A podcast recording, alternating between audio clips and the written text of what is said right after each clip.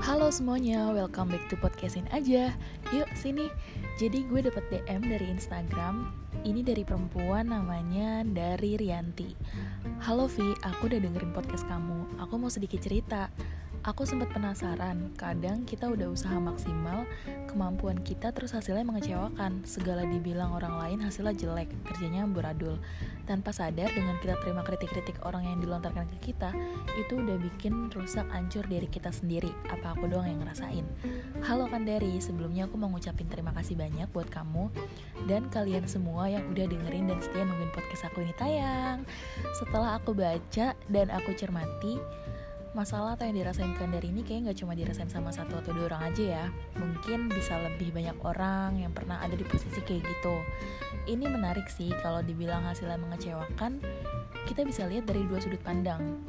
Kalau dari sudut pandang kita pribadi menurutku itu tandanya usaha kita ya mungkin emang belum maksimal.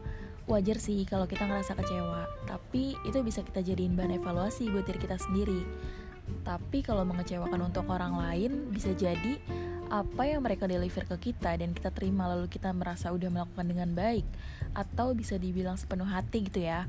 Tapi belum memuaskan bagi mereka ya bisa jadi emang diri kita dan dia itu belum punya visi yang sama gitu. Jadi kadang yang bikin kita beda perspektif dan berujung kecewa. Contoh ketika aku diminta bosku gitu ya untuk bikin sebuah gambar.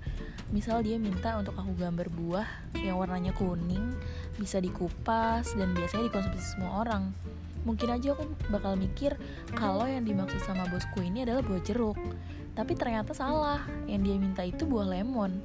Kan bisa aja kayak gitu karena kalau menurut aku ya kecewa itu ada karena ekspektasi yang terlalu tinggi ya gak sih?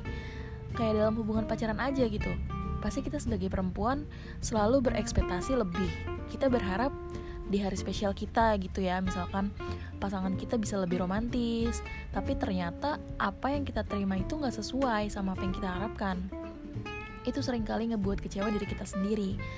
Makanya jangan pernah naruh harapan di raga lain karena kecewa sering menjadi teman dan kalau kita nerima kritik yang negatif, mungkin ada baiknya nggak usah terlalu dipikirin karena itu cuma bisa ngerusak pikiran kita aja. Tapi kalaupun mau mikirin pun juga boleh. Ambil sisi positifnya dari kritikan itu dan kita bangun lebih baik versi diri kita sendiri. Semangat untuk Andari, semoga terjawab ya apa yang lagi dirasain saat ini. Selamat hari Senin semua, jaga kebersihan, jaga kesehatan dan jaga pikiran. Bye bye.